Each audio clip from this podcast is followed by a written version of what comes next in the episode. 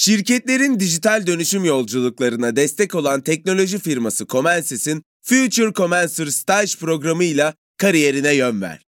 Comensys kariyer sayfasından son başvuru tarihi 22 Mart. Açıklamalardaki linkten hemen başvur, tutkunu uzmanlığa dönüştür.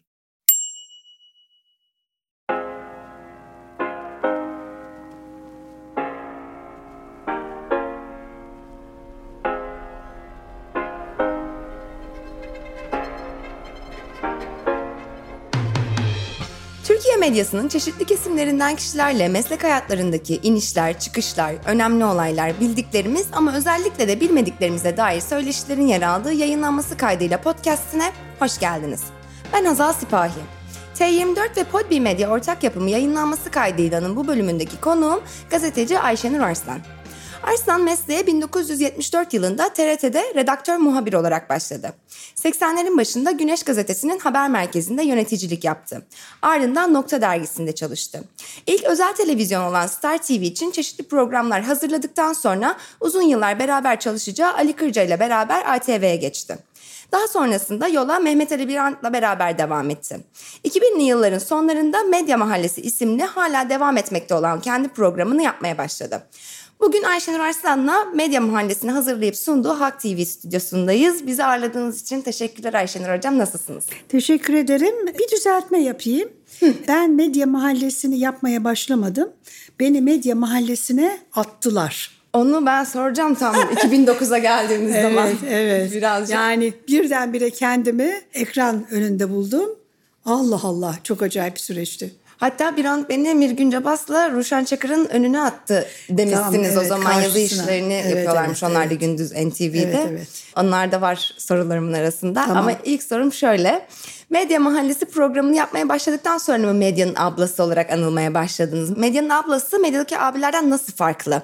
Sizin yıllar içinde bu tanımla alakalı hislerinizde, düşüncelerinizde değişiklikler oldu mu? Sahiplendiğiniz, yabancılaştığınız bu medyanın ablası oluşuna. Ee, galiba e, Medya Mahallesi'nden çok önce başladı bu ablalık. Yönetici olduğum her yerde birlikte çalıştığım arkadaşlarımın zaman zaman annesi zaman zaman ablası zannettim kendimi. Ve bir anne ya da abla nasıl davranırsa öyle bir ilişki ağı biçimi kurmuştum. İlk kim söyledi, kim benim üzerime bu etiketi yapıştırdı bilmiyorum. Orhan Bursalı bile bana abla diyor.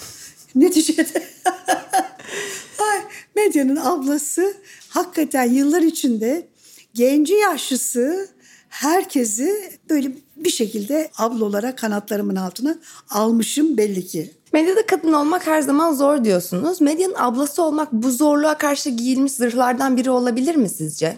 Olabilir. Ee, Çok güzel bir soru. Aslında birden fazla zırhım oldu benim.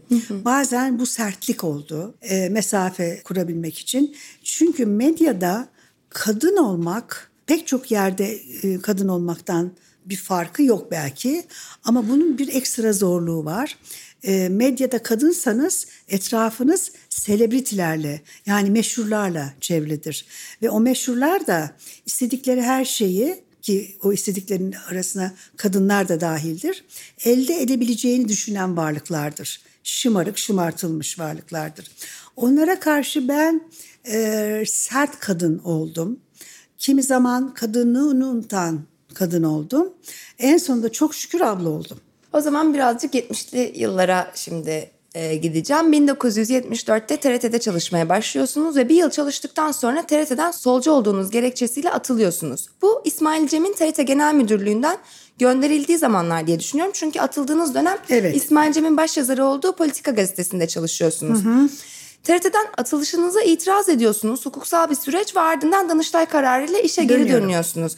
Politika gazetesinde kalmayı neden düşünmediniz? Neden TRT'den vazgeçmediniz? Hani burada benim zaten huzurumu kaçırdılar, beni yolladılar. O geri dönüş isteğiniz nedendi TRT'ye? Şöyle, e, Politika Gazetesi bana gazeteciliğin aslında en gerçek değerini ve sorunlarını öğreten yer oldu. Çok beslendim ben orada. Ama netice itibariyle tam bugünkü gibi olmasa da bugünküne benzer bir biçimde gazetelerin e, ayakta kalmasının zor olduğu dönemlerdendi.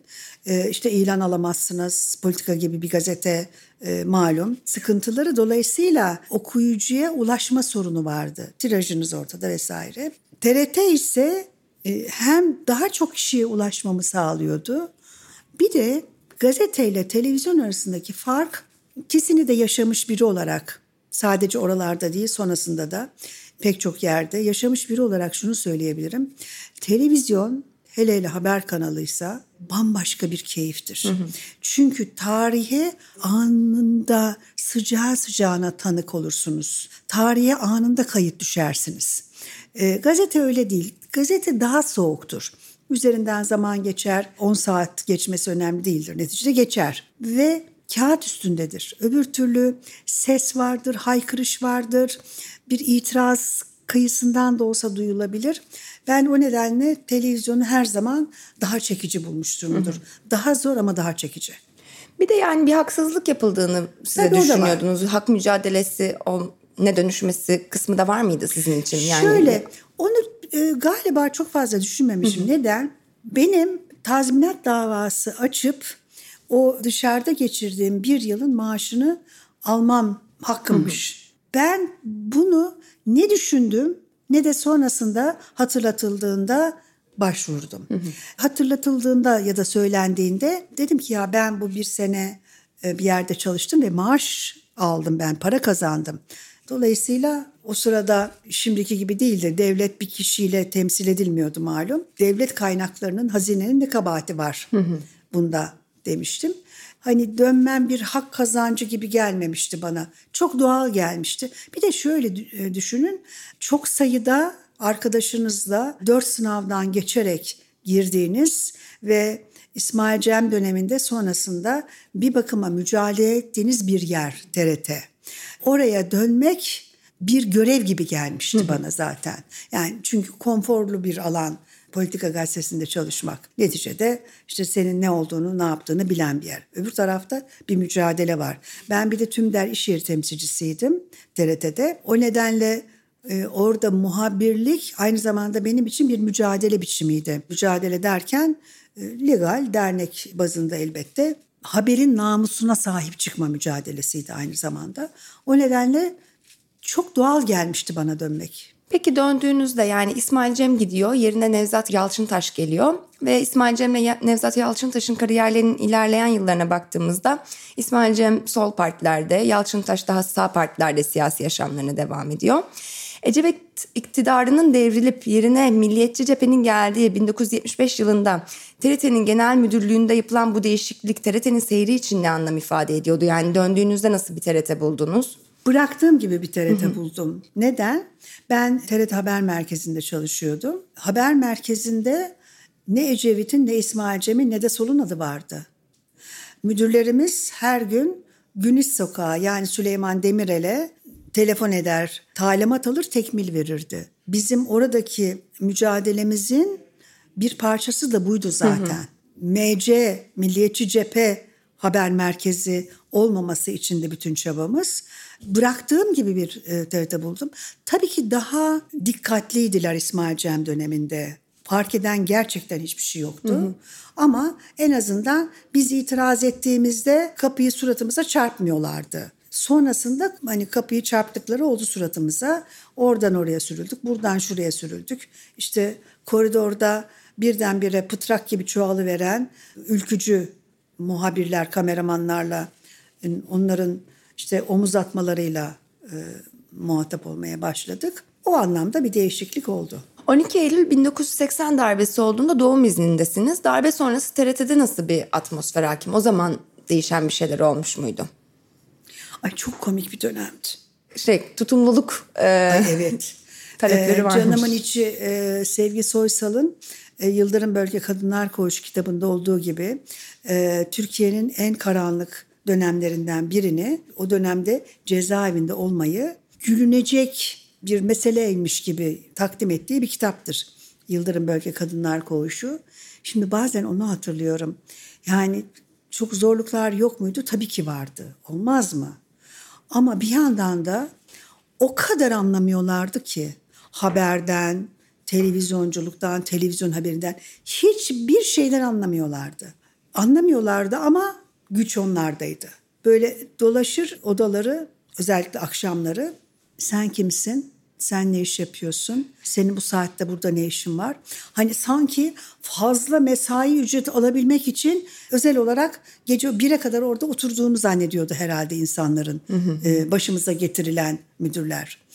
Girip hatta e, Aytaç Kardüz'e, Aytaç Kardüz o sırada tek televizyon kanalı var düşünün ve onun ana haber sunucusu. Sen kimsin diye sormuşlardı. Aytaç Kardüz de suratlarına baka kalmıştı. Aytaç Kardüz diye. Çok komiklerdi gerçekten. O tutumluk meselesi zaten e, bir efsaneydi. Başımıza genel müdür olarak atanan kişi, adını bile hatırlamıyorum inanın. E, o geçiş döneminde bir gün yemekhanede bütün personeli topladı ve muazzam bir konuşma yaptı. Biz dedi MİT'te görevliymiş. MİT'te dedi kağıtların dedi bir yüzünü dedi kullandığımız zaman atmazdık dedi. Öbür taraflarını da kullanırdık dedi. Ayrıca dedi o taraflarını kullanmıyorsanız dedi bunları dedi tuvalette e, ellerinizi silmek için de kullanabilirsiniz dedi. Şimdi biz tuvalet kağıdı meselesinden meseleye girdik. Ve tabii ki çok memnun kaldık bu durumdan. Yaşasın habercilikte, televizyonculukta çağ atlıyoruz biz. Sabahleyin mesela 9.30'da muhabir gelir. Giremez. Çünkü 9'dan sonra giriş yasak. İzah etmeye çalışır. Efendim ben filan göreve gittim. Sabahın 7'sinde gittim. O görevden geliyorum. Bize verilen emir böyle. Emir demiri kesermiş. Biz onu TRT'de gördük. Sabah 7'de işe gidip hatta bazen 6'da 5'te 9'u geçe geldiği için içeriye giremeyen muhabir ve kameramanlarımız vardı. Şöyle olurdu. Onlar e, yakında bir yerde bira satılan bir yer vardı bir. E, o birhanede otururlardı. Birkaç şişe bira içip böyle parlatırlardı. Öğleye doğru zaten kapıda bekleyenler giderdi. Gider ondan sonra içeri girerlerdi. Bu kadar saçma ötesi bir şey. Hakikaten bir kışla gibi yönetildi. Çok uzun sürmedi. Sonrasında da elbette Milliyetçi Cephe'nin sesi olarak kullanıldı. Ama Milliyetçi Cephe'nin sesi dediğim gibi İsmail Cem döneminde de gizliden gizliye e, haber merkezinde program kesiminde değil haber merkezinde hep varlığını göstermişti zaten. TRT'den ayrılıyorsunuz ve ardından Güner Civaoğlu'nun genel yayın yönetmeni olduğu yeni kurulan Güneş Gazetesi'nde haber müdür yardımcısı oluyorsunuz. Ee, şöyle, İstanbul'a taşınma da var sanırım e, o dönemde. İstanbul'a taşınıyorum. Şöyle o sırada haber dairesi başkanı çağırdı. Dedi ki geçmişten gelen bir isimdi. Dolayısıyla tanır ve severdi. Ee, dedi ki eğer dedi şimdi istifa etmezsen bunlar seni atacak dedi. Hı hı. 12 Eylül'den sonraki bir dönem. 82 artık iyice hani her şeyin netleştiği de bir dönem. 12 Eylül sonrasının neoliberal sisteminin oturmaya başladığı her alanda bir dönem malum. Onun için dedi şimdi istifa et ki ileride dedi TRT'ye dönebilesin. Hı hı. Eğer çünkü atarlarsa dönemiyorsunuz. Memurluk, memurluk da yapamıyorsunuz. O nedenle ben kendim istifa ettim. O kişinin e, salık vermesiyle. O sırada eşim de İstanbul'da bir iş teklifi almıştı. E madem ben TRT'den de ayrıldım hadi gidelim İstanbul'a dedik. İstanbul'da TRT'den gene ayrılmak zorunda kalan bir arkadaşımın tavsiyesiyle Altan Aşar Güneş Gazetesi'ne girdim. Güneş Gazetesi'ne de şöyle bir parantez açmak isterim. Hayatımın en neşeli, en eğlenceli yerlerinden biri olabilirdi. Herkese bavullarla para dağıttıktan sonra para bittiği için bize maaş veremeyecek duruma gelmeselerdi. Tam da şeyi söyleyecektim. Yedi buçuk gün çalışmasa mıydınız acaba diye onu söylüyorsunuz ya bir de. Yedi buçuk gün. Onu başarmıştı Güner İcivoğlu. Beni yedi buçuk gün çalıştırmayı başarmıştı. Altı gün net çalışıyordum. Yedinci gün önemli bir durum olduğu için ki her hafta olurdu o. Gene çalışıyordum ve de bir de üstelik e, mesela yemek kartları ilk defa bir promosyon olarak verilmişti. Bana yemek kartları hazırlama görevi vermişti. Yemek kartlarını da ben öyle aman aman yemek yapmayı falan da bilmem ama bir görev bilinciyle işte e, kalori hesabı yaparak o sırada Google yok bir şey yok. Kitaplar okuyup bunlara kafa yorarak öyle bir ekstra şeyim vardı. Onun dışında bazen ilavesinde gazetenin İtalya'dan alınan çizgi romanların ben İtalyanca bildiğim için çevirisini yaptırırdı. Çok neşeliydi yani olay. Anladım. Peki e, 1984'te siz de Civaoğlu'da ayrılıyorsunuz Güneş'ten. İkinizin de ayrılık nedenleri bu yine ekonomik sıkıntılardan dolayı Yok mı? hayır. Banka batmıştı e, ve ayrılmak zorunda kaldı Güney Civoğlu. Ben onunla birlikte ayrılmadım. Çünkü ben hani zaten ekip olayından çok haz etmem. Güney Civoğlu'nun ekibi hiç değildim. Onlar gitti ben kaldım. Yerine bir e, ekip geldi. Fakat e, o ekip aslında tırnak içinde daha sosyal demokrat, daha solda olması gerekirken bir doku uyuşmazlığı yaşadık. Nezih Demirkent vardı başta. Oktay Ekşi de e, gene bir genel yayın yönetmenine benzer bir sıfatla oradaydı. Fakat şöyle bir şey yaptılar o ve birlikte gelen ekip. Sanki biz aslında tarlada çalışan ırgatlardık da tesadüfen gazeteye yolumuz düşmüştü. Hiçbir şeyden anlamıyorduk. Haberden haberden zaten asla anlamıyorduk. Neredeyse böyle bir tavırla itip kalktılar bizi psikolojik olarak. Ee, çok ciddi bir mobbing uygulandı. Onun üzerine ben hele bir gün yazı işlerinden biri gelip de bana nasıl haber yazacağımı izah etmeye kalkınca gittim istifa dilekçemi yazdım ayrıldım. O bir erkek miydi? Ee, Osman Saffet Arolat. Hı, Acaba bir de er bilmişlik var mı mobbingin yanında diyecektim Bilmiyorum olabilir. Yani Osman Saffet Oralat çok şeker de bir insandır. Sonrasında bunu konuştuk da kendisiyle onun için adını e, rahatlıkla verebildim. O hatırlamıyor böyle bir şeyi. Muhtemelen iyi niyetle de yapmıştır. Ama ben orada e, baştan itibaren bize gösterilen tavrın sonrasında bununla karşılaşınca ayrılmak e, istemiştim. Yoksa yani bir tek o değil elbette. Sonra Nokta Dergisi'nde çalışmaya başlıyorsunuz. Nokta Dergisi'ne geçişiniz nasıl oldu? Yani Aa, arada e, çok önemli bir dönem var. ah, bilmiyorum onu. O hangisi Ben, onu, dönem? ay ben ben de çok fazla böyle yer, adres ve 49, dönem var 49 da. günlük söz mü? Söz değil. Hayır o söz noktadan sonra. Bu hiç çıkmayan bir e, galiba adı hafta mıydı hatırlamıyorum. E, Ali Karacan'ın bir çıkartmaya teşebbüs ettiği bir dergiye geçtim. Dergi böyle haftalık parimaç gibi magazin ağırlıklı ama seviyeli bir dergi olacaktı bana söylendiği kadarıyla. E çok da seçeneğim yoktu tabii. Peki dedim. Fakat daha sonra Bülent Ersoy'un cici babası olduğunu öğrendiğim bir yazı işleri müdürümüzle birbirimizi böyle masanın iki ucunda boğazlama raddesine gelince ben alasmalık dedim. Gerçi üç yere alasmalık dedim. Hayır hayır ne olurdur, ne olurdur, ne olurdur. En sonunda Ali Karacan'a bir mektup yazdım. Alasmalık demeden çıktım gittim. Şöyle yani magazinin en magazinini e, yapmak ve üstelik de bunu yaparken doğru olması gibi bir kriterin aranmadığı bir dergi varmış kafada meğer. Çok çok çok yıllar sonra Ali Karacan'la karşılaştık. Biliyor musun dedi senin o istifa mektubun dedi bir naylon e, poşet şey içinde dedi böyle içinde dedi benim masamda durur dedi. Çünkü çok etkilenmiştim ben ondan dedi. Ne yazmıştım hiç hatırlamıyorum. Da neye etkilenmişti? Şu olabilir ücret pazarlığı yapmadan e, işte ben burada kaç gün durdum 38 tane tost alacağım var. O tostların tanesi de şu kadardan olsa falan gibi bir e, talepte bulunmadan çekip gitmem de herhalde onu etkileyen. Gerçekten hiçbir fikrim yok. Niye etkilediğini ama etkilenmişti. Oradan sonra ayrıldıktan sonra işte Nokta Dergisi'ne gittim. Haftada çıkmadı diyorsunuz o Hayır dergiden. çıkamadı. İyi olmuş, isabet olmuş o zaman Ya da söylediğiniz gibi bir çıktı. Galiba çıktı. Tam şimdi o kadar yıl geçti ki. Şöyle oldu. Evet evet şimdi hatırlar gibiyim. Yanlışsa bağışlasın Ali Karacan da. Çünkü bu bir defa Cem Uzan'la da e, yaşadığım için karıştırıyor olabilir miyim diye. Yıldız haritalarına, horoskopa vesaire bakıp o derginin doğum tarihinin tam olarak hangi gün hangi saat olması gerektiğini çıkartmışlardı. Ve gene yanılmıyorsam işte diyeyim ki filan gün doğması gerekiyor şu saatte. O saatte o dergi Kadıköy'de bir bayide doğmaya hazır olacak. Saat dakika kaçmasın diye de görevli bir kişi gidip onu oradan alacak. Derginin burcunu hatırlıyor musunuz? Ne olsun istediler? Hatırlamıyorum. Ama yani şöyle tutmamıştı. Anladım. Yanlış doğum, erken doğum, prematüre ne dersen artık. Peki Nokta Dergisi sizi en mutlu olduğunuz döneme de işaret ediyormuş. Yani öyle diyorsunuz. En mutlu zamanlarımdı diye bahsediyorsunuz. O en mutlu olduğunuz habercilik zamanları nasıl zamanlardı? Sizi ne mutlu ve tatmin ediyordu? Nelerdi Biraz bunlar? e, naif, saf hatta salak bir dönemimmiş herhalde. Kendimi böyle hissettiğim için. Neden? E, arkamda Engin Ardıç oturuyordu.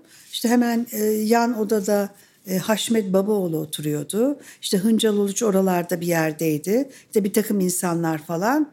Mahmut Övür vardı. Ben o insanlarla beraber çalışmışım. Sonra bakıyorum da geldikleri yere bu isimlerin Mahmut Övür'ün, Engin Ardıç'ın, Haşmet Babaoğlu'nun ben onlarla bir arada çalışmaktan nasıl mutlu olmuşum. Tuhaf geliyor, gerçekten tuhaf geliyor. Ama neticede haftalık dergi de çok keyif verici bir periyottu. Ben birkaç kapak editöründen biriydim. İpek Çalışlar, Gülay Göktürk, ben. İşte zaman zaman başka bir iki kişi daha girer çıkardı bu şeye. Biz kapak editörü olarak çalışırdık. Dosyalar hazırlardık. Onlar bana çok zevk verirdi böyle oturup araştırmak, araştırmak, araştırmak, okumak. İşte mesela bir takım böyle karanlık dosyaların içinden, dava dosyaların içinden gerçeği bulup çıkartmaya çalışmak.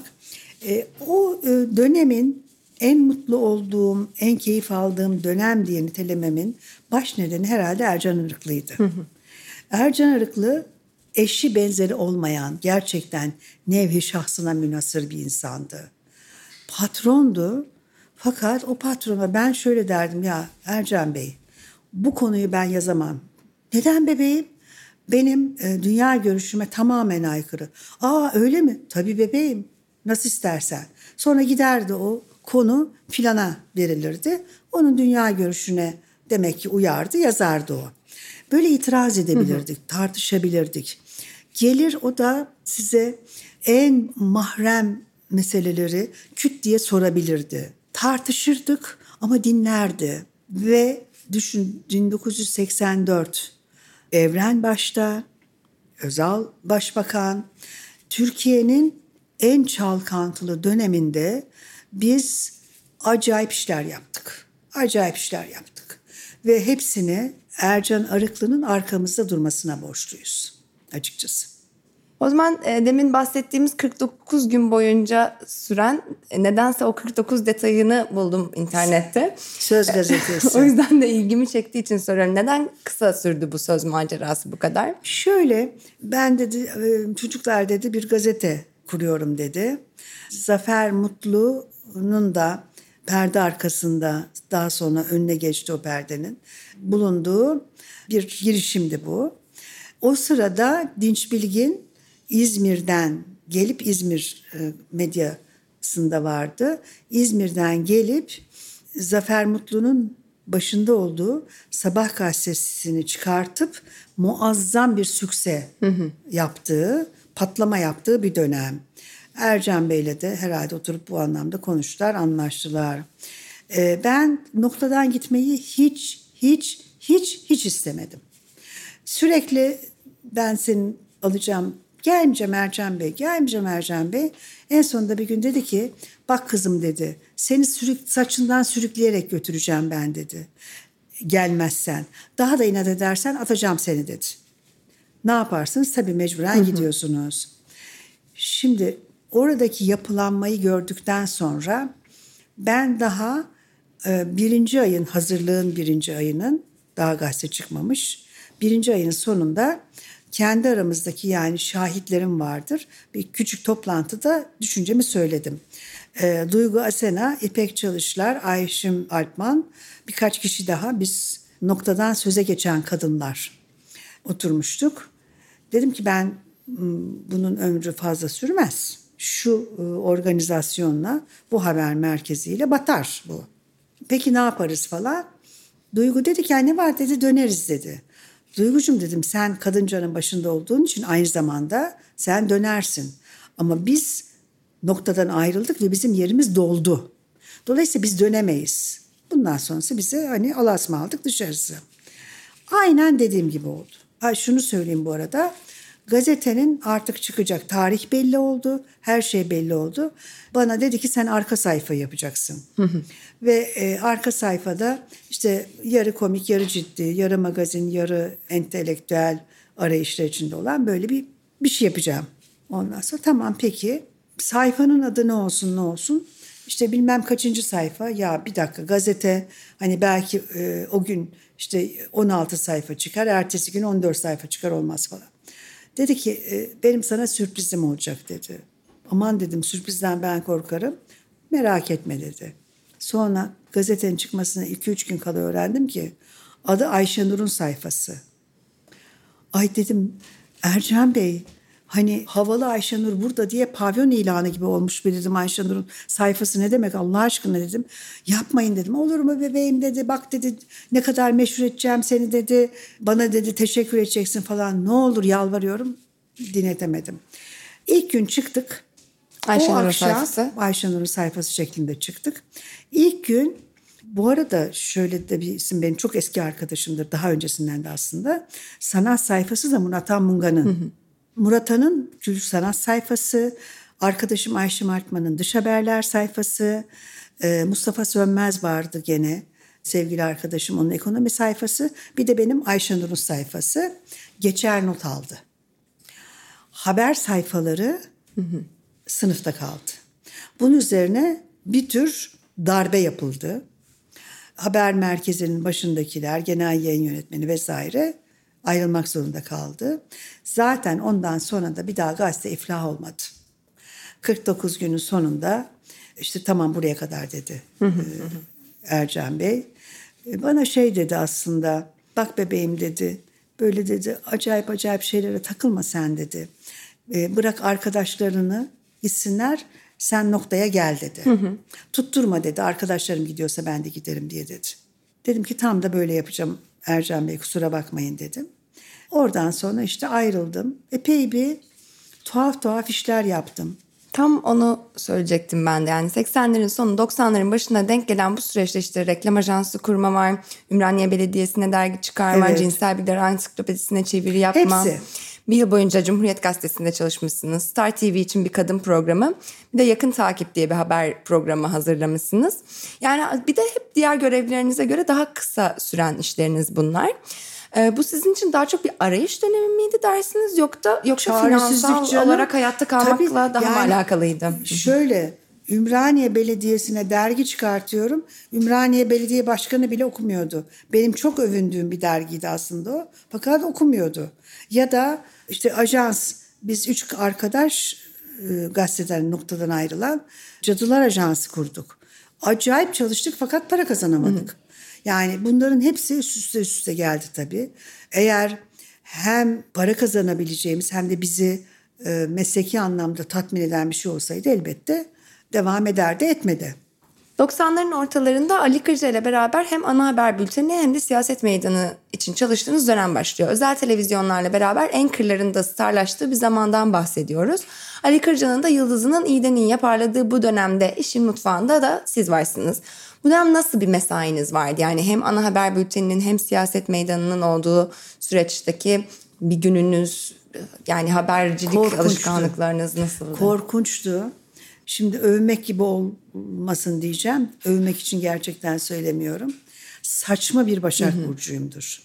Bir şey en iyi olsun diye kendimi öldürürüm. Kendimi paralarım. Ve e, çok da saçma, manasız ve haksız aslında bir de mottom vardı. Arkadaşlar ben kendime acımıyorum size niye acıyım derdim. Şu anlamda haber devam ediyorsa eve gitmeyi falan unutacaksınız. Ya da bu haber 5 dakika sonra rejide olmalı diyorsam olacak. Yani ben nefes nefese kanter içinde koşturuyorken kusura bakmayın size acıyamam. Yani siz de bu işin gereği bu ve bunu yapacaksınız derdim. Haksızca derken e, bunun haksız olduğunu o sıralarda e, sıcak telaşta fark etmezdim. Sonrasında düşünürdüm. Şimdi daha net anlıyorum. Ama hep böyle geçti. Yani aman ya ne var yarın bakarız buna diyemezsiniz ki. Diyemezsiniz. Bir de benim şöyle bir tarzım vardı. Birinci haberden son habere kadar bütün haberler birbirlerine bağlantılı. Günün öyküsünü anlatır gibi hı hı. ya da günün fotoğrafını çeker gibi sıralanırdı. X haber biter, sonraki kam spiker dediğimiz Ali Kırcan okuyacağı o kısım o haberin son paragrafına bağlanır. Oradan alır lafı götürür ve böylece birbiriyle bağlantılı günün gerçekten eksiksiz bir fotoğrafı çekilirdi. Şimdi mesela bugün bizim bu e, sohbet yaptığımız gün İmamoğlu duruşması. Bir gün önce Canan Kaftancıoğlu işte e, ceza alması kesinleşmiş, vicaiye çevrilmiş Silivri'ye yani son derecede de hani bir kavrama dönüştürülmüş Silivri'ye gönderilmiş Bakırköy yerine böyle bir gündem. Bir de kalkıyorsun sabah zaten elektriğe zam, doğalgaza zam, gecesinde inanılmaz bir oranda benzine, motorine zam vesaire vesaire. Şimdi böyle bir günde Erdoğan'ın çıkıp da mesela gezicilere sürtük demesi. Bütün bunları bir arada anlatmazsanız Erdoğan'ın zihnini ve dilinin ayarının neden bu kadar bozulduğunu anlatamazsınız. O nedenle bunu şunun için söylüyorum. O haber sıralamasında, akışta bir haberin zamanda yetişmemesi bir dişin ağızdaki ön, üstelik önde görünen bir dişin çekilmesi gibi gelirdi bana. Hı hı. Hem estetik kaygıları da buna ekleyebilirim ama dediğim gibi ben orada fotoğrafı çekerken günün fotoğrafını onunla şunun arasında bununla ve filanın arasındaki bağı ortaya koymaya çalışırdım. Ama iki cümleyle bağlayarak hamsipkerde ama haberin bakışında. O nedenle hem kendimi çok yorardım hem birlikte çalıştığım arkadaşlarımı çok zorlardım onu biliyorum. Benim için gün başlamaz ya da bitmezdi zaten. Hı hı. Hani sürekli alarmdasın. Ben şimdi bile yatarken ertesi günkü programın Medya Mahallesi'nin aslında provasını yapıyorum zihnimde. Hani açarım programı, birinci haber şu olabilir. Elbette sabaha kalktığımda bambaşka bir maddeyle değişmiş olabilir. Ama demek istediğim şu. 24 saat bununla yaşamazsanız olmuyor. Bu bir hakikaten yaşam biçimi artık olması gerekiyor. Hele haber kanalındaysanız. Yani kendimi de paralardım. Başkalarına da hani nasıl acıyabilirim ki bu durumda diyorsunuz. Zorlardım da diyorsunuz. Cüneyt Özdemir 2007'de yazdığı bir yazıda şöyle diyor. Ayşenur Arslan hırslı bir yöneticidir. Bu hırsı zaman zaman sahadaki muhabirleri mesleki riskler almak zorunda bırakacak zorlamaya bile dönüşebilmektedir. Meslektaşlarınızı çeşitli riskler almaları konusunda da zorladınız mı? Yani başınıza kötü bir şey geldi mi ya da başka Hayır. birinin başına kötü bir şey geldi mi? Ay şöyle e, Cüneyt Özdemir benden hoşlanmaz. Hı hı. Bunda şaşacak bir şey yok. Ben de ondan hoşlanmam. Niye hoşlanmadığımızda herhalde karşılıklı çok iyi biliriz. E, bu hoşlanmama gerekçeleri arasında benim çalışma kriterlerimin hiç olmadığını da ben bilirim. Hı hı. Hiç kusura bakmasın. İnsan orada iki tane örnek verir. Böyle bir örnek yok. Ha şu var. Deprem olmuş.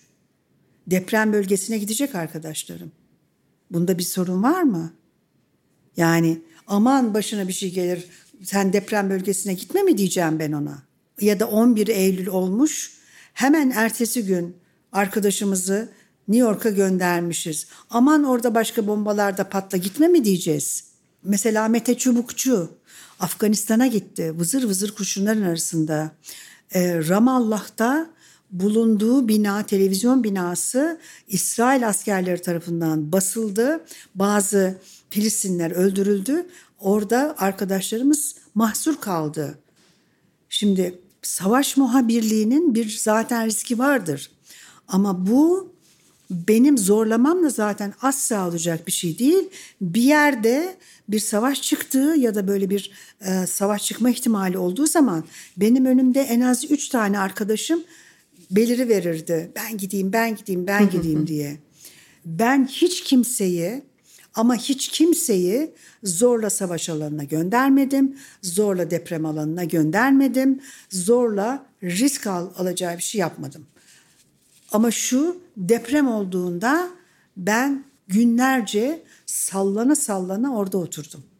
Sonrasında da sahaya çıktım. O güçlükleri arkadaşlarımla ben savaş alanına gitmedim.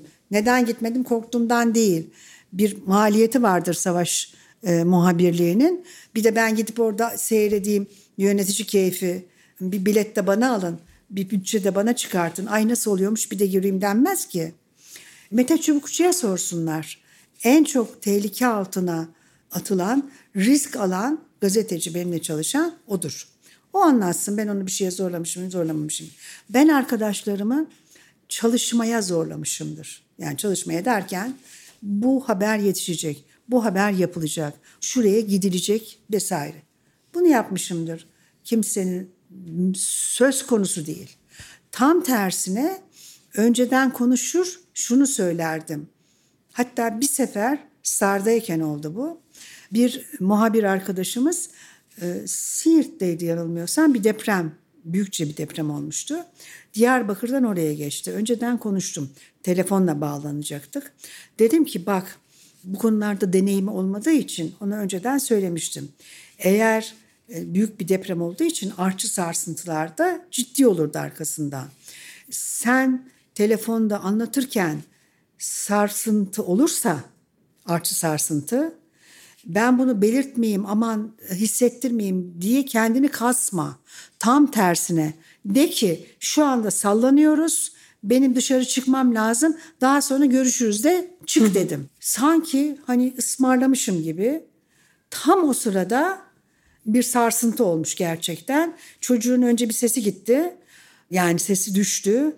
Şu anda dedi gene sallanıyoruz dedi. Dışarıda bakıyorum dedi askerler de herkesin dışarı çıkmasını e, söylüyor, çağırıyor. E, ben de dedi onun için dedi e, çıkıyorum şimdi dışarıya dedi. Şöyle bitirmem lazım olayı. E, bitirdikten sonra Star'daydık. Ali Kırcı henüz ana haberleri sunduğu bir dönemdeydi. Teşekkürler e, Ferit. Tekrar birlikte olmak üzere dedi. Ya da gelişmeleri senden alacağız dedi. Neyse sonra bir bant girdi falan. Ali dedim sen ne yaptın öyle dedim. Ne yaptım dedi. Yahu dedim çocuğa bir aman dikkat et kendine de e, dersin. İşte şunu bir şey söylersin. E duymadım ki dedi. Nasıl dedim? Kulaklığım çok cızır diyordu çıkartmıştım dedi. Bu da işte böyle canlı yayınların haber bültenlerinin özellikle cilvesi. Alanında lider teknoloji şirketi Comensis, mühendislik, tasarım, ürün geliştirme, test mühendisliği ve bulut gibi alanlarda staj yapmak üzere 3. ve 4. sınıf öğrencilerini arıyor. 8 Temmuz'da başlayacak ve 6 hafta sürecek programa Comensis kariyer sayfasından son başvuru tarihi ise 22 Mart. Future Comensir ile akademik bilgilerini uygulamalı deneyimlerle pekiştir, tutkunu uzmanlığa dönüştür. O zaman 1997 yılına gideceğim ben şimdi. 1997'de 28 Şubat süreci başlıyor. 1999 yılının 18 Haziran'ında ise ATV Ana Haber Bülteni'nde Fethullah Gülen'in kasetini yayınlama kararı alıyorsunuz. O dönem Show Haber'in enkırı olan Reha Muhtar dönem psikolojik savaşa dahil olmak istemediği için kasetleri yayınlamadığını söylerken Mehmet Ali Birant da kasetleri yayınlayışınızı 28 Şubat'a destek vermek olarak yorumluyor sürekli. Sizin 28 Şubat'a dair duruşunuz nasıldı? Bu süreçte nasıl bir habercilik yapmaya çalıştınız? Mehmet Ali Birant'ı bile koruyarak. O andıçlar var ya o andıçlar. Onların hiçbirine girmeyerek. Onların nasıl bir sefil, sersem kumpas olduğunu bilerek. Bu kadar zavallıydı ki haber bültenler o sırada. İşte PKK'dan para alan gazeteciler. Bom. İşte PKK'dan para alan e, ya da onlara para veren iş adamları. Bam. Hiçbirine girmedik. Ve hatta aramızda şöyle bir espri e, dönerdi. Sorarlarsa Allah Allah ya o faks bize gelmedi. Bizim faks makinesi bozuk galiba deriz diyorduk. Şimdi 28 Şubat'ın ne menem saçmalık olduğunun dibine kadar farkındaydık ve o saçmalığa gelmedik. Düşmedik. Düşenlere geçmiş olsun. Yanı sıra bir andın söyleyecek lafı yok. Neden? Fethullah Gülen cemaatinin gerçek yüzünü maalesef görüp anlayamadan öldü. Aslında biraz daha dikkatli bakabilseydi anlardı. Ama demek ki o sırada e, farklı bir bakış açısına sahipti. Bir de bildiğim kadarıyla o sıradaki arkadaşları, çok yakın arkadaşları, oturduğu e, sitede diyelim, işte Mehmet Barlas bir tarafta komşusu, işte çok yakın arkadaşları gene Ahmet Altanlar, Hasan Cemaller, yani yetmez ama evet camiası. Fethullah Gülen'e toz kondurmuyordu. O Fethullah Gülen kaseti daha sonra Sabah gazetesinden bana geldiğinde e, röportaja gönderildiğinde bir çocuk bana da söylemiştim. Bugün olsun bugün yine onu kullanırım. Hı hı. Neden? Bir, gizli kamera değil. Açık kamera. İki, montajlamamışım. Üç, o sırada Türkiye'nin en etkili isimlerinin görüşmek için can attığı bir kişi yani o sırada en önemli kanaat önderlerinden biri haline gelmiş. Bir isim ve devletin kılcal damarlarına girmekten söz ediyor. Şimdi bu dört e, maddeyi yan yana getirip de sonra bunu kullanmazsanız efendim Reha'nın gerekçesi oymuş. Bir andın gerekçesi buymuş. Bıraksınlar bu mesleği demek lazım. Gazeteciliğin evrensel ilkeleri, galaktik ilkeleri her neyse ya da lokal ilkeleri her neyse her hepsine uyacak kriterlerdir bunlar. Gene yayınlarım, bugün olsa gene yayınlarım. Ee, ve yayınladık. Ama 28 Şubat başka bir şey. 28 Şubat'ta belge, efendim işte görüntü hiçbir şey yok. El altından verilen ve sahiplenilmeyen bir takım şeyler var. Kağıtlar var. Böyleyken böyle diye. Tıpkı aslında 28 Şubat'a lanet okuyan Fethullah Gülen cemaatinin ve sonra başka birilerinin daha yaptığı gibi. Onlar da kendileri açıklamazlar ki. El altından da gönderirlerdi. Kanal D Haber'den oraya gelebiliriz isterseniz. O nedenle zaten gönderildim. Kimin gönderdiği bizim bildiğimiz ama resmen söyleyemediğimiz açıklanmayan bir kaynaktan gelen imza yok hiçbir şey yok. Akla ziyan deli saçması belgeler belge adı altında bir takım kağıtlar. Ben bunlara hayır dedikçe karşı karşıya geldik hı hı. özetle. Ve sonunda bir gün Aa, hadi sana başarılar güle güle dedi bir an. Ondan önce 2001 krizi zamanına geleceğim ama oraya da geleceğim Peki. 2009'a. Ali Kırca'ya da hala kırgın olduğunuz bir biçimde tüm ekiple beraber Star TV'ye transfer oluyorsunuz. Ardından Ali Kırcı Star TV'den ayrılıyor ancak siz ve beraber gittiğiniz ekip sözleşmeleri gereği Cem Uzan'ın sahibi olduğu kanalda kalıyorsunuz.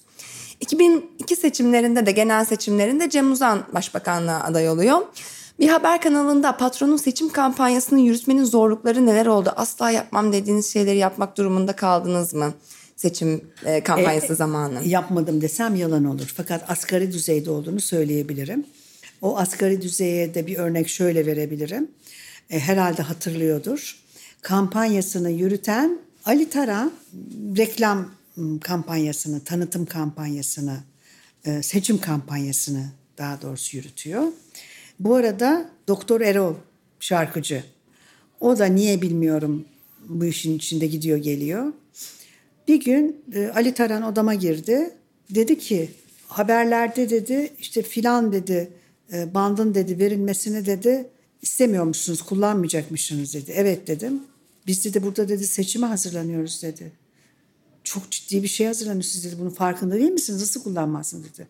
Dedim ki kanalın haber bültenin dışında her saniyesi sizin beyefendi. Hı hı. Gidin canlı yayından, cansız banttan yayın ne yaparsanız yapın.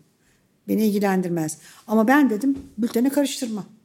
Eğer bu haber merkezinin başında ben varsam o sırada ben vardım. Karıştırmam dedim. Sen benim kim olduğumu biliyor musun dedi. Siz benim kim olduğumu biliyor musunuz dedi. Bir durdu. Şimdi bir tane hiç tanımadı. Tanımıyor da gerçekten. Bir kadın kendisine böyle bir kabadayılık yapıyor. O Ali Taran tan tan tan tan. Yani evet Cem Uzan zan zan zan zan zan için çalışıyor. Hay yani ben kimim? Ne oluyor falan. Söylersem senin işin biter dedi. Bu arada bilmiyor ki ben zaten hani delirmişim. Kimse bana böyle emir veremez. İki, ben zaten gitmek için can atıyorum. Hayatımda ilk defa Ali Kırca istedi diye bir gittiğimizde sözleşme imza atmışım. Hayatımda ilk defa imza atmışım. O nedenle ayrılamıyorum. Biri beni atsın diye de bekliyorum. Söylersem dedi vesaire. İstediğiniz yere söyleyebilirsiniz beyefendi. Güle güle dedim. Sonra doktor Erol geldi. Erol Köse. Ay dedi Ayşenur Hanım dedi kusura bakmayın dedi işte o senin dedi kim olduğunu bilmiyormuş dedi bilmem ne dedi falan filan böyle atlattık. Bunu şunun için söylüyorum. Cem Uzan benden hiçbir zaman bir şey zaten telefon edip istemedi. Bir defa bir haber için aradı. Filan bakan unuttum şimdi kimdiyse Ecevit hükümetinde bir bakan. Kürtçe ana dil meselesi konusunda bir şey demiş. Biz bunun üzerine gitmeliymişiz de falan da filan da. Cem Bey dedim çok doğru bir şey söylüyor adam dedim. Nasıl yani dedi. Evet dedim yani ana dil hakkı diye bir şey var biliyorsunuz dedim falan. Bir 30 saniye 40 saniye konuştum. Ama ben bir düşüneyim o zaman dedi. Bir daha da aramadı. Hı hı. Yani hani siyasi lider de böyle çalışa çalışa oluyor bazen biliyorsunuz. Ya da kampanyatör. Şunu söyleyebilirim. Hiçbir yerde, hiçbir e, mecrada patronun dediklerini yapmadım diyemem. Hı hı. Bunu kimse diyemez. Ama çok zorlandığım zaman zaten alasma aldık demişimdir. Hı hı. İşte mesela CNN Türk'ten ayrılmamda öyle bir şey olmuştur. İşte şöyle şöyle şöyle dediler. No mercy dedim. Hatta sonra döneriz belki ama e, bir gün e, CNN Türk'te genel müdür bana dedi ki ya dedi şunu şöyle yapacağız dedi. Olur mu canım dedim ne münasebet dedim. Ama dedi e, talimat yukarıdan dedi. Yukarısı kim dedim. Patron dedi. E dedim e, talimat dedi. Bak dedim patronun benim üzerimde bir tek hakkı var. Benimle çalışmama hakkı. Benim e, yaptığımdan memnun değilse benimle çalışmaz. Ben gazeteci olarak neyi doğru görüyorsam onu yaparım. Ama onun da benim üzerimdeki hakkı budur. Bu kadar. Nokta. Şimdi bu e, çok uç bir noktaya varırsa bu da Hanifi Avcı'nın kitabını görmemek üzerineydi. Hı hı. Görmeyelim dediler. Nasıl ya? Kıyamet kopuyor. Kıyamet daha da kopacak. Nasıl görmem? Ama ufak tefek istekler, biraz böyle yalan söylemeden bir şeyleri lisanı münasiple sunmaya çalışmak gibi şeyleri yapmadım dersem tabii ki yalan olur. Seçim sonrası Star TV'den ayrılıyorsunuz. Peki Ali Kırca ile yollarınızın yeniden kesiştiği zaman Ali Kırca'nın NTV dönemi mi yoksa yeniden ATV'ye döndüğünde mi buluşuyorsunuz? ATV'ye döndüğünde. Hı hı. Şu nedenle ATV'ye döndüğünde o zamanın e, genel müdürü Ali Kırca böyle dedi diye bir açıklama yapmıştı. Bu da o grubun gazetelerinden birinin ilavesinde çıkmıştı. Ali Kırca demiş ki ben nihayet evime dönüyorum, yuvama dönüyorum. Zaten arkadaşlarım istiyor diye onların ısrarıyla Star'a gitmiştim demişti ki Ali Kırca benim kardeşim gibi gördüğüm bir insandı. Onun için üzülerek söylüyorum ama söylemek zorundayım. Külliyen yalan. Ama külliyen yalan. Ben bu star meselesini hiç unutmuyorum. Bir çarşamba günü e, Medya Tava'da gördüm. Ali'nin odasına gittim. Şekerim seni gene bir yere göndermişler dedim. Arada çıkardı böyle haberler. Ya bu sefer doğru gibi dedi. Ben de sana söyleyecektim dedi. Hı hı.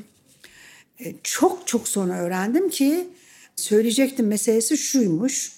O ana kadar Medya Tava'da çıkana kadar Ali Kırca Uğur Dündar'ın ekibine siz kalın ben tek başıma geleceğim demiş. Onlar hayır biz gidiyoruz deyince zaten bize muhtaç olacağı için bize söyleme noktasına gelmiş. Ben de söyleyecektim dedi. Çarşamba günü akşama doğru. Sonra hemen zaten ertesi gün bu konu büyüdü, dallandı, budaklandı. Cuma günü bir toplantı yapılması kararı alındı. Cuma günü e, Ankara'daki arkadaşlarımız telefonun başında. O zaman Skype falan hikayeleri yoktu.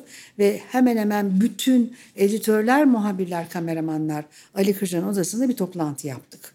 Herkes, herkes aynı şeyi söyledi. Gitmeyelim. O sırada doğru dürüst maaş bile alamıyoruz ya da maaş alabileceğimiz kuşkulu ama gitmedik. Ali de dedi ki peki o zaman dedi ben dedi bunu dedi söyleyeyim. Cem Uzan'a.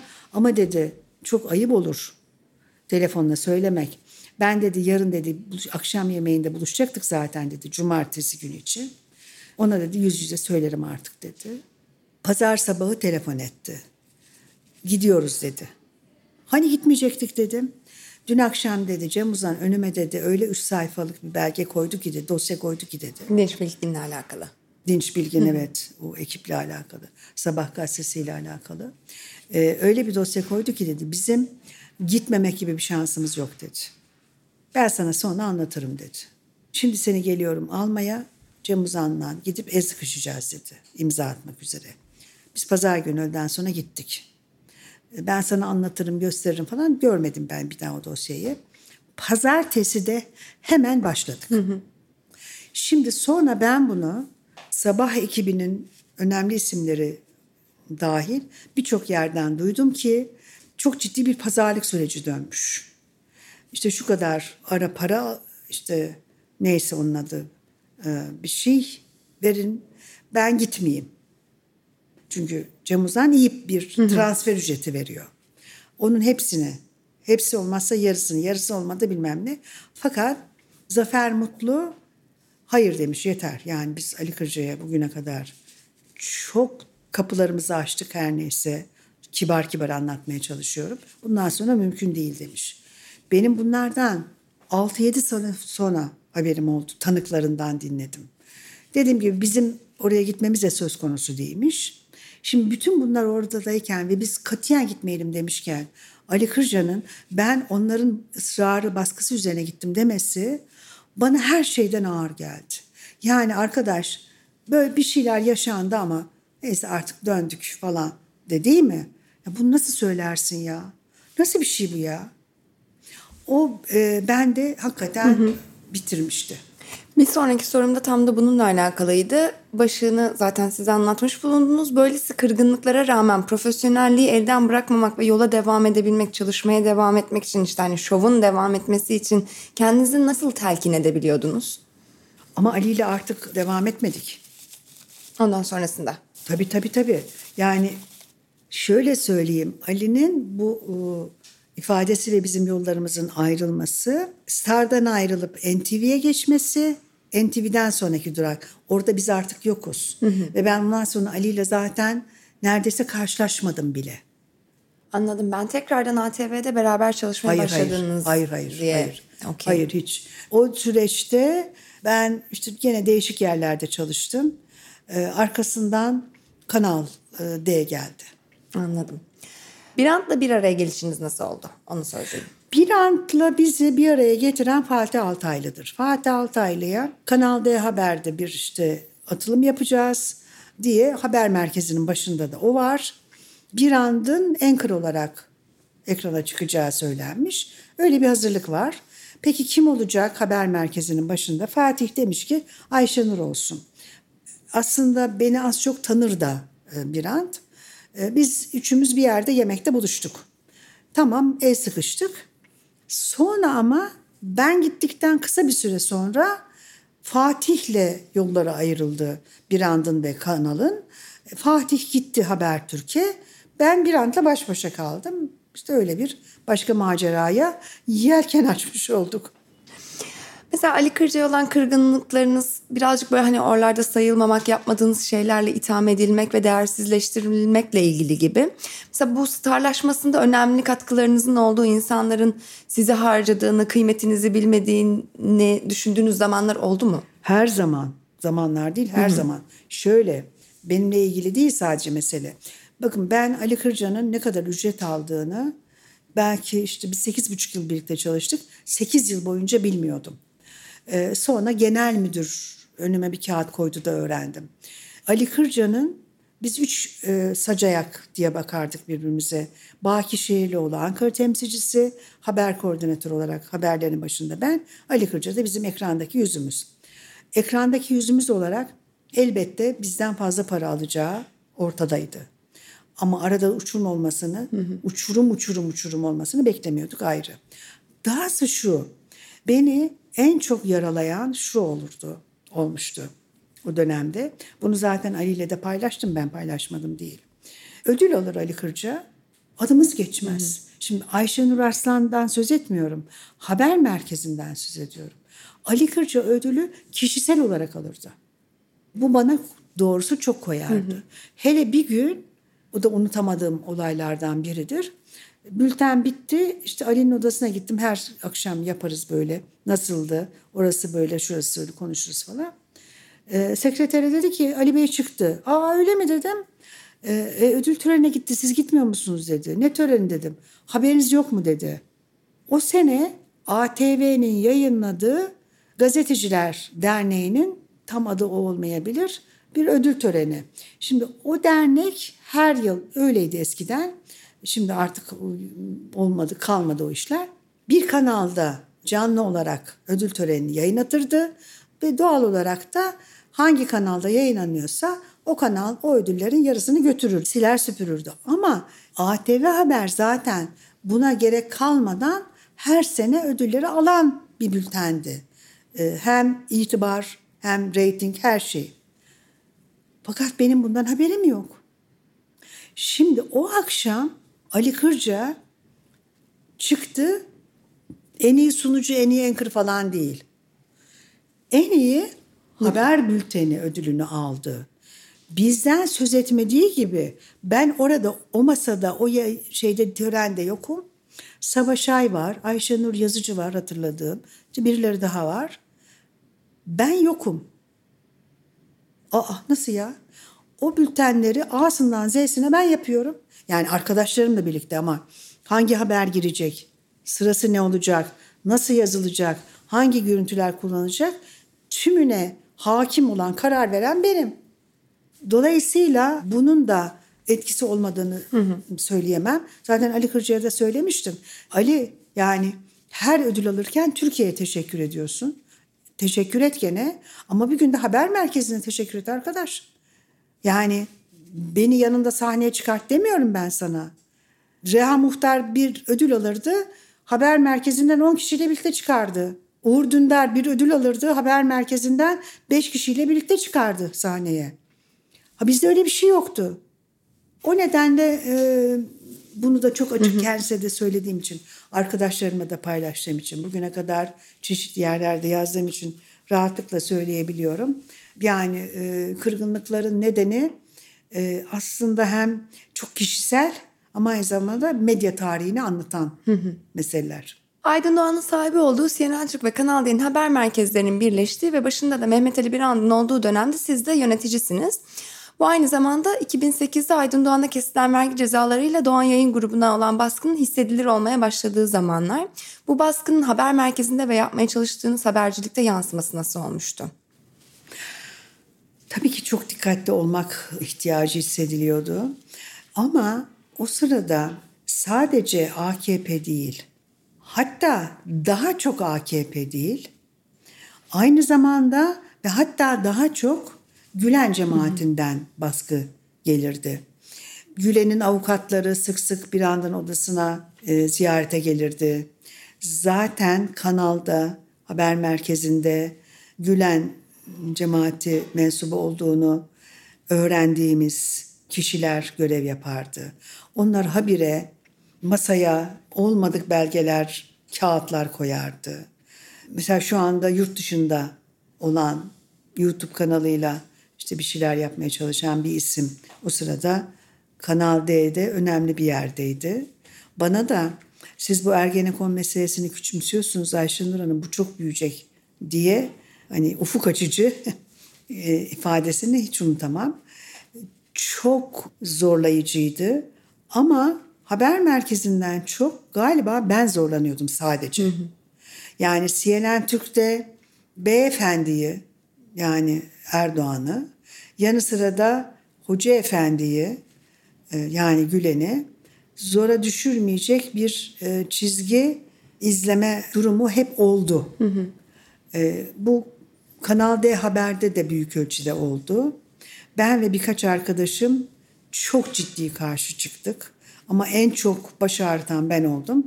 Ben olduğum için de bir noktadan sonra patladım hadi güle güle dediler. İşte 2009 yılında bu Ergenekon döneminde de Gülen cemaatine huzursuzluk çıkardığınız gerekçesiyle Kanal D'deki görevinize son verildiğini ve CNN Türk'te Medya Mahallesi'ni yapmaya başladığınızı söylüyorsunuz. Demin de dediğiniz gibi Medya Mahallesi'ne atıldım diyorsunuz aslında. Eğer sizin yaptıklarınızdan rahatsız olunduysa neden ekran yüzü olmanızın, kendi programınızın olmasının önü açılmıştı? Şöyle bir e, o sırada henüz Aydın Doğan benden vazgeçmemişti. Dolayısıyla bana hadi güle güle diyemedi doğrudan doğruya bir an. Onun yerine CNN Türkiye gönderdi ve tam da Ruşen'le bir günün karşısına. Şimdi şöyle bir düşünün. Epeydir program yapan, dikkat çeken, ilgi çeken ve üstelik de iki erkeğin yaptığı bir programın karşısına eh yaşını başını almış kimsenin tanımadığı böyle bilinmedik bir kadın. Şansı olur mu? Bir an şansı olmayacağını düşündü. Bir. Zaten bana sürekli şöyle şeyler söylerdi. Ay Ayşenur gene bu mıy mıy mıy sesinle içimi bayılttın sabah sabah diye. Ya da şey derdi bu mıy mıy sesinle sen ne yapacaksın diye sorardı. Sanki beni oraya gönderen kendisi değilmiş gibi. Bir süre sonra da zaten şöyle geldi ya dedi kötü bir haberim var dedi. Ne oldu dedim. E, sponsoru olmayan programları bitiriyoruz dedi. Hı hı. Masamı toplayayım mı dedim. Yok yok daha değil dedi ben sana söylerim dedi. Kaldı. Hı hı. Neden öyle söyledi neden kaldı bilmiyorum. Ama tahminim şu beklemediği bir şekilde reyting almaya başladım ben. Ve Aydın Doğan da eşi de benim sürekli iz, seyircilerim arasına girmeye başladı. Onu da öğrendim. Aradan bir süre geçtikten sonra tekrar bir ant geldi. Benim büyük sıkıntı yarattığımı söyledi. O nedenle programın bitebileceğini söyledi. Ben gene masamı toplayayım mı dedim. Yok yok ben sana söylerim dedi. Ee, sıkıntı e, ne kadar gerçekti şu an bugün bile bilmiyorum ama şöyle şeyler yaşandı. E, bunu ben ilk e, mesela Cüneyt Özdemir'den ve e, bir takım Ankara temsilcisi Hande Fırat'tan falan duymuştum. Erdoğan benim yüzümden Kanal D'ye canlı yayına çıkacakken CNN Türk'ün o yayını yayınlamasına izin vermeyeceğini söylemiş. Şimdi genellikle olay şöyledir bu lider söyleşilerinde. Bunu küçük kanallar organize eder, haber kanalları yayınlar. Ana kanallar belli bir süre içinde girer, onu paylaşır. Şimdi e, bütün kanallar Erdoğan konuşunca yeniyor ayrı ama o sırada öyleydi. Şey diyor ki Erdoğan Kanal D'de tamam okey ama CNN Türk'te yayınlanmasın. Neden? İddia o ki benim yüzümden. Şimdi ben o sırada şöyle bir şey söylemiştim yani ben Cumhurbaşkanı o sırada başbakandı tabii. Başbakan olsam beni bu kadar ciddiye almazdım. Bir ülkenin başbakanı beni niye bu kadar ciddiye alıyor anlamadım. Dolayısıyla bunun doğru olduğunu düşünmüyorum demiştim. Hatta o sırada bu internet sitelerinden birinde buna Ayşenur Arslan bile inanmadı falan diye hani Erdoğan'ı koruyucu bir üslupla haber yapmıştı. Fakat önde anlaşıldı ki Erdoğan ve doğal olarak tabii zaten geçmişten beri öyleydi. Gülen cemaati benden çok ama çok rahatsız. Hem Erdoğan'a hem de özellikle Gülen cemaatine yakın isimler gruptaki gazeteciler, önemli isimlerde keza benden rahatsız. Rahatsızlık nedeniyle programın bitebileceğini söylemesi bu nedenleymiş. O yine olmadı. Bu sefer e, şöyle bir e, formül e, geliştirdiler. İki kişi olalım bari dedi. Akif Beki formülü. Ve Akif Beki. Şimdi birkaç isim vardı gündeme gelen. Akif Beki'ye ben olur dedim. Çünkü çok kibar bir insan olarak görünüyordu. Bir hiç kibar değilmiş onu söyleyeyim. İkincisi sonra kavga ede ede didişe dövüşe bir şekilde götürüyorduk. Birdenbire Akif Beki e, bana sinirlendi ve benim özür dilememi aksi takdirde o programa katılmayacağını söyledi. Sinirlenme nedeni şu imiş. Cumhuriyet Gazetesi'nde bir röportaj yayınlandı. O röportajda bana Ayşe Yıldırım şöyle bir soru sordu. Tek başınıza yaparken programı birdenbire iki kişi yapmaya başladınız. Bu sizin tercihiniz mi, talebiniz miydi? Ben de dedim ki yani tek başına başlamışken ve gayet de iyi gidiyorken neden iki kişi yapmak isteyeyim? Elbette ki benim talebim değildi. Böyle uygun görüldü. Ben de hani iki kişi yapacaksın dediklerinde konuşulan isimler arasında Akif Pekin olabileceğini uygundur diye düşünerek kabul ettim. Vay efendim ben o programa tepeden inme mi gelmişim? Ayşenur'un başına mı getirilmişim? Ne demek istiyormuşum? Ben özür dileyecekmişim. Yahu şimdi olay böyleyken böyle değil mi? Hani neresi yanlış bunun? Şöyle yani sen suyu bulandırdın ben seni yiyeceğim dedi. Hı hı. İktidar ve iktidara bir şey diyemeyen yönetim en sonunda güle güle dediler. CNN Türk'ten ayrılıyorsunuz 2013'te. Evet. Peki mesela Akif Beki sizsiz medya mahallesine devam etseydi nasıl hissederdiniz? Ee, şöyle çok enteresan oldu o. En son gün ayrılıyorum. Bütün ilişkim kesilmiş. Zaten önceden hani odamda ne var ne yoksa göndermişim. Bir çantamı almışım gidiyorum. Asansörde tam bineceğim. Akif Beki ile genel müdür. Onlar da bir bakanı karşılamak üzere aşağı iniyorlarmış. Beraber iniyoruz. Genel müdür çok zarif bir şekilde sağ olsun eksik olmasın. Şöyle çok zarif bir espri yaptı. Ee, senden sonra dedi Akif Beki ile Medya Mahallesi yapacağız. Ha ha ha dedi. Güldü. Hiç tabii moralimi bozmadım, sinirimi bozmadım. Dedim ki sıkıysa yapın da göreyim dedim.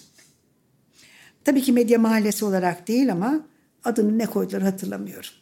Ee, işte günün içinden dışından bir şey koymuşlardır hakikaten hatırlamıyorum. Akif Beki devam etti. Olmadı. Yanına Aslı Aydın Taşbaşı aldı. Aslı dayanamadı zaten olmadı. Akif Beki neticede o saatte o programı yapamadı. Hı hı.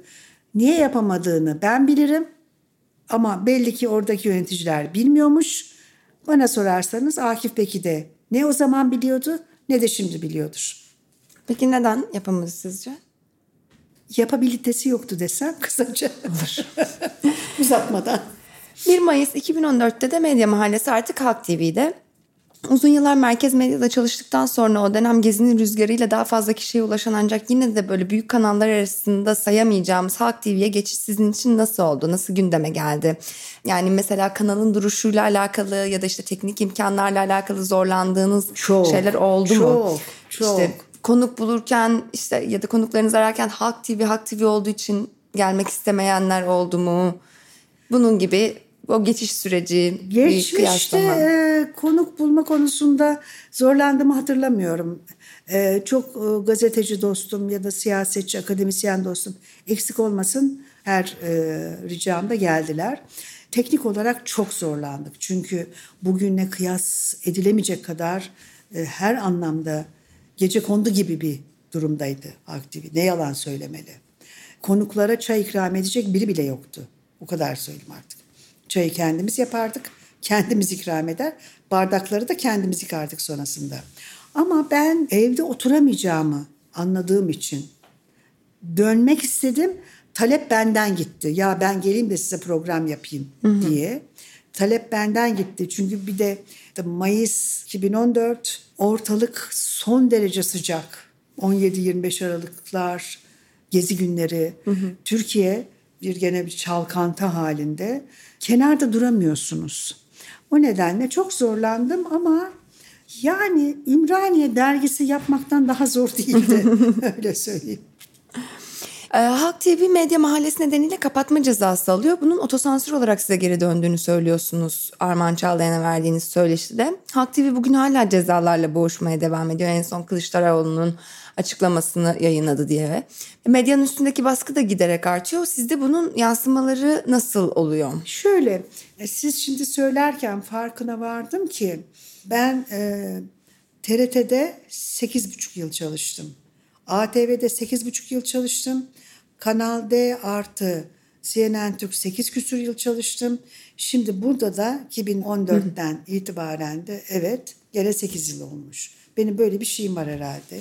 Döngüm var. Bir andın ay gene mıy mıy konuşacaksın, ay gene mıy mıy öldürdün falan demesine rağmen seyirci bir şekilde beni sevdi. Hı hı. Özellikle kadın seyirci geldi haber kanallarına benimle birlikte. Ben çünkü anneme anlatır gibi anlattım her şeyi. meseleleri.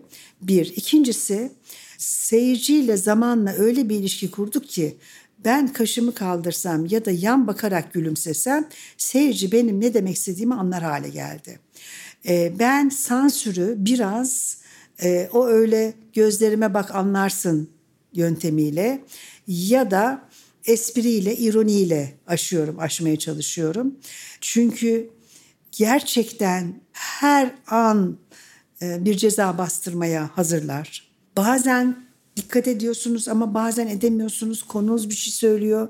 Dahası işte e, ana muhalefet lideri Kılıçdaroğlu'nun videosunu yayınlamak nasıl suç olabilir? Nasıl suç olabilir? Şimdi mesela şunu düşünüyorum. Bu ülkenin yurttaşlarına sürtük demek suretiyle hakaret eden Erdoğan'ın grup konuşmasını yayınlamak da rütük açısından bir suç, suç değilse bile en azından sakınca değil mi? Değil mi? Oluşturmayacak mı? Dikkat ediyorum evet ama bunu sansür boyutuna getirmemeye çalışıyorum. Dediğim gibi seyirciyle arada kaş göz anlaşarak.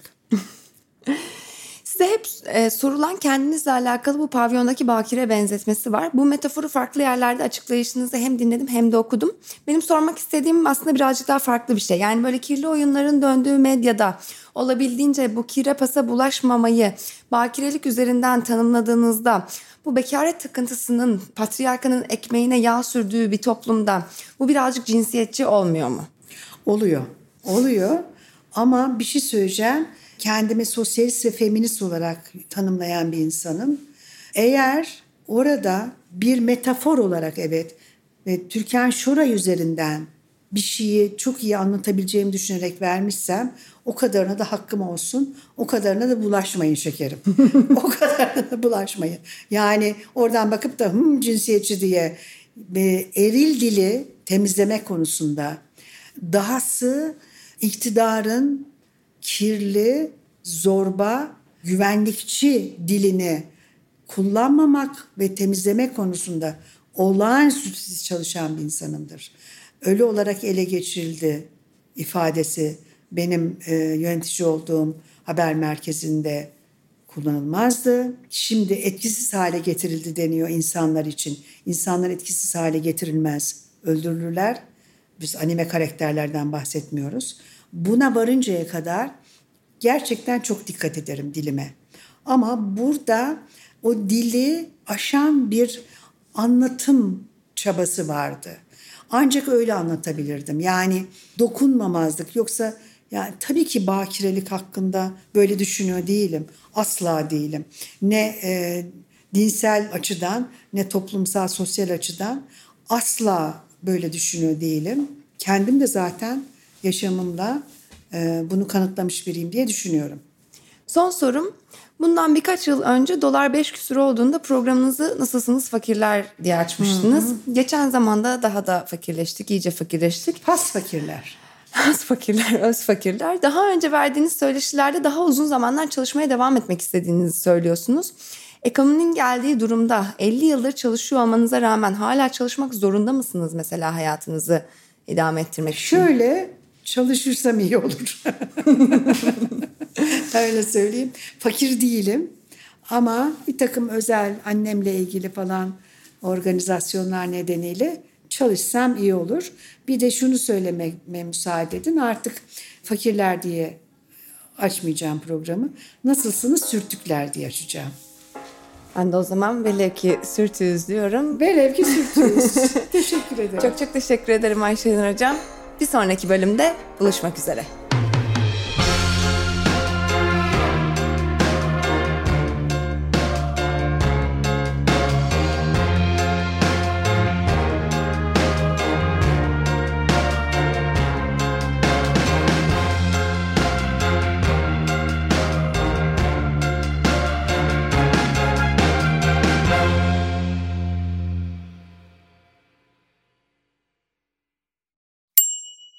Future Commencer staj programı ile kariyerine yön ver. Comensis, 6 haftalık staj programı için 3. ve 4. sınıf mühendislik öğrencilerini arıyor. Comensis kariyer sayfasından son başvuru tarihi 22 Mart. Açıklamalardaki linkten hemen başvur tutkunu uzmanlığa dönüştür.